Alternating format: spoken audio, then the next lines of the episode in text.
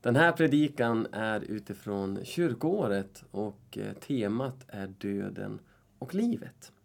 Och lägg märke till att dagens tema i kyrkoåret det är döden och livet.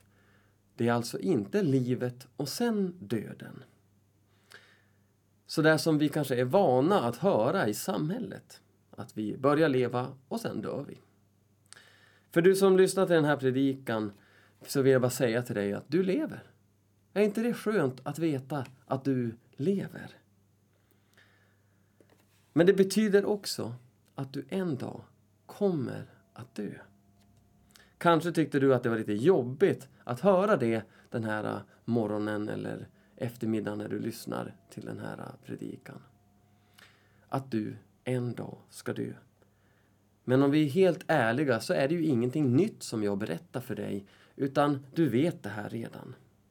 För så här är det ju att vara människa sedan döden kom in i tillvaron. Vilket betyder ju också att det inte alltid har varit så, men det är så nu. Och det kommer vara så ända till dess att Jesus kommer tillbaka. Människans tillstånd har alltså förändrats. Dock så var det länge sent, men det är fortfarande, länge sedan, men det är fortfarande lika sant idag. Eller? Eller har någonting hänt som förändrade detta tillstånd? Kan det ha hänt att någon har gjort något som ändrade på människans utgång? Som gör att vi människor har ett hopp. Det verkar så när vi läser texterna för den här söndagen. Framförallt i evangelietexten, som jag inte kommer att predika över, men där ser vi hur Jesus ger livet tillbaka till en som var död. Och nu kanske någon tänker, ja, ja, det där vet jag, det där har jag läst eller det där har jag hört, den där berättelsen du på, påminner oss om. Men låt mig fråga detta. Hur ofta ser du detta hända? Vilka personer känner du som har varit med om ett rent fysiskt stått upp från, att rent fysiskt stå upp från de döda?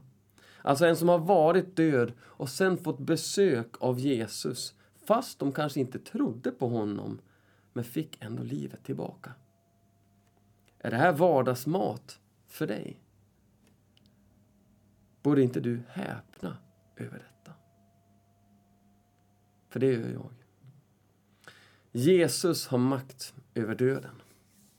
Och detta gjorde han innan han själv besegrade döden, detta under med den här personen. Och jag vill välja att fascineras av Jesus. Han är någonting utöver den här världens författningsförmåga och samtidigt lika närvarande och nära så att du och jag kan få börja närma oss honom. Jag tror att det här ligger i linje med Paulus som har skrivit brevet till församlingen i Filippi där vi hämtar dagens episteltext. Lyssna till den. Jag väntar och hoppas att jag aldrig ska stå där med skam utan att jag som nu alltid öppet ska våga lovprisa Kristus med min kropp, vare sig den ska leva eller dö. Ty för mig är livet Kristus och döden en vinning. Såvida inte ett fortsatt liv här på jorden ger mig en vinst genom mitt arbete, för då vet jag inte vad jag ska välja. Jag slits åt båda hållen jag längtar efter att få bryta upp och vara hos Kristus. Det vore ju det allra bästa. Men för er skull är det viktigare att jag lever kvar. Det är jag övertygad om. Och jag vet att jag kommer att bli kvar och stanna hos er alla för att hjälpa er till framsteg och glädje i tron. Och genom mig, genom att jag kommer till er igen, skall ni bli stoltare över att tillhöra Kristus, Jesus. Och jag tänker att vi ska i den här predikan få gå igenom den här texten ungefär vers för vers, stycke för stycke. Vi börjar med det första. Jag väntar och hoppas på att jag aldrig ska stå där med skam. Utan att jag, som nu, alltid öppet ska våga lovprisa Kristus med min kropp. Vare sig den ska leva eller dö. Det finns en betoning här som vi behöver se lite extra på. Vare sig den ska leva eller dö. Vare sig den ska leva eller dö. Han pratar om sin kropp. Endast sin kropp, sitt kött. Han vet att kroppen och livet här på jorden tar slut. Han lever med den uppfattningen. Paulus är också i fara för sitt liv när han skriver det här. Han sitter i fängelse, fängslad för sin tro och sin längtan att få nå ut med evangeliet. Att tala om för andra om Jesus ser Paulus som en del i sin tillbedjan. Att lovprisa honom, som det stod, genom att tala om för andra om honom. Det är en naturlig verkan i Paulus liv. Tillbedjan långt mer än bara en sång och en bön utan också att ta emot allt det där, hylla honom som kung och leva det ut. Om vi fortsätter så står det Ty för mig är livet Kristus och döden en vinning. Såvida inte ett fortsatt liv här på jorden ger mig en vinst genom mitt arbete, för då vet jag inte vad jag ska välja. Ty för mig är livet Kristus och döden en vinning. Det är ganska stor skillnad på Paulus sätt att se livet och det sätt som erbjuds och matas ut av samhället. I samhället bombarderas vi av budskapet att du ska leva ditt liv fullt ut för dig själv och för din egen vinning. För att du ska få njuta här fullt ut på jorden.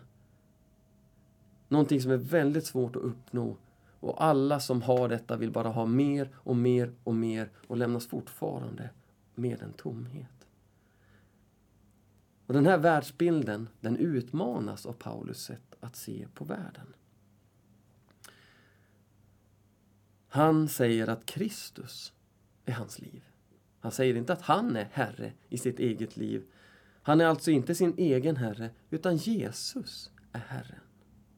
Vilket också bekräftas i det som hela Filipperbrevet kanske har sin uppbyggnad kring, vilket är Filipperbrevet kapitel 2, vers 6-11. Jag tänkte få läsa det.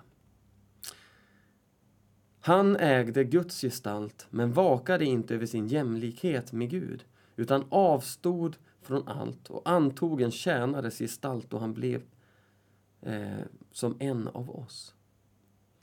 När han till det yttre hade blivit människa gjorde han sig ödmjuk och lydig ända till döden, döden på ett kors.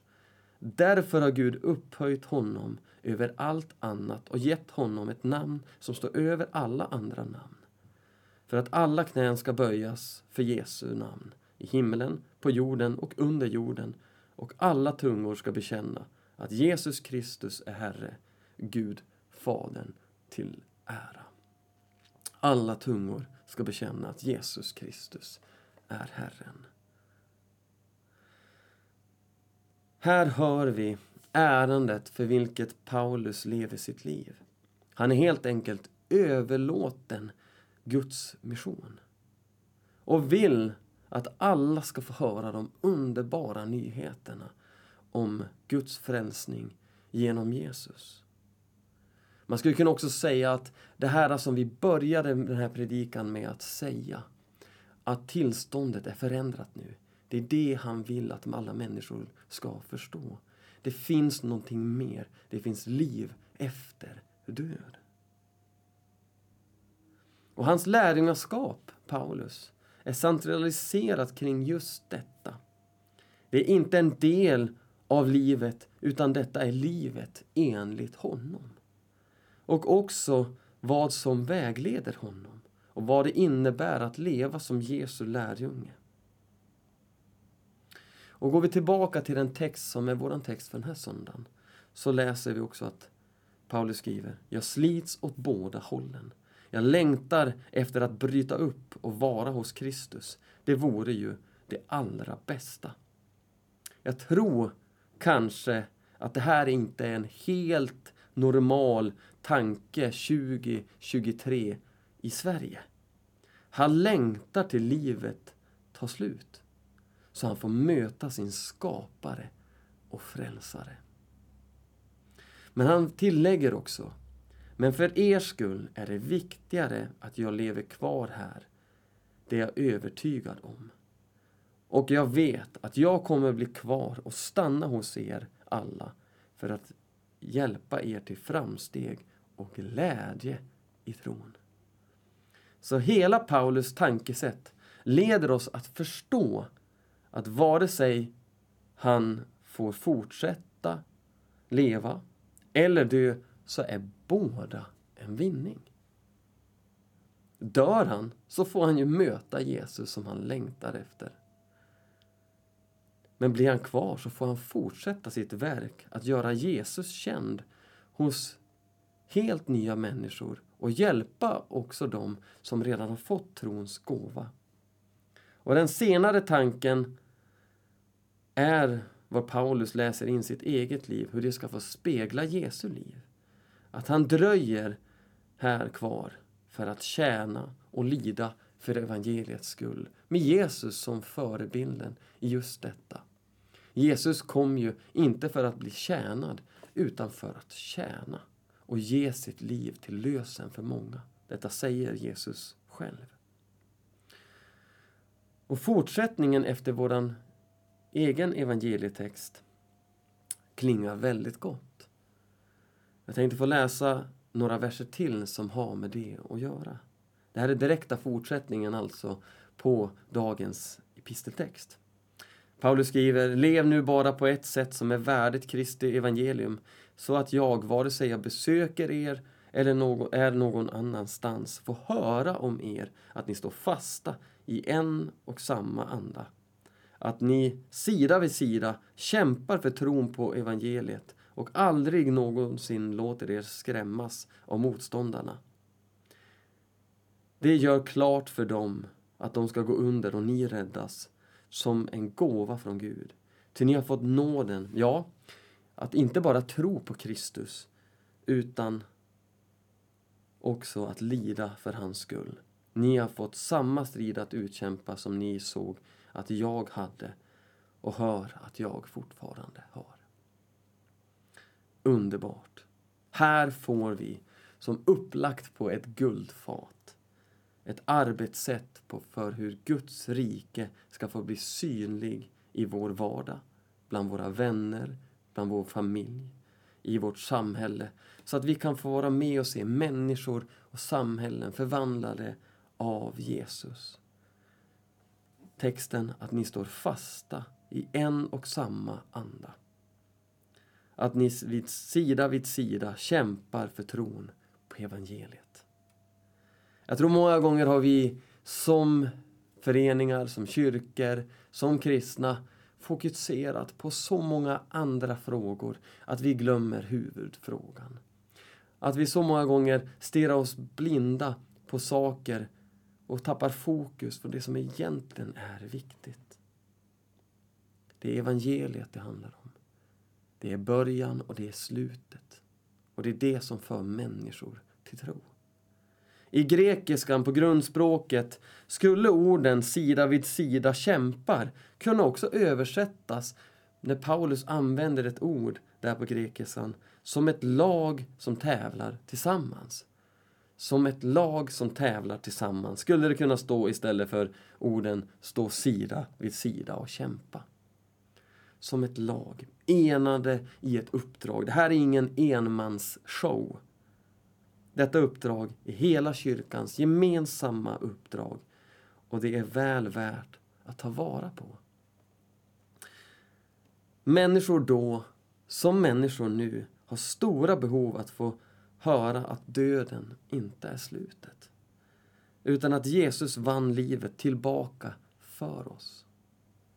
Och att allt vi behöver göra är att det här får vi ta emot och vi får tro.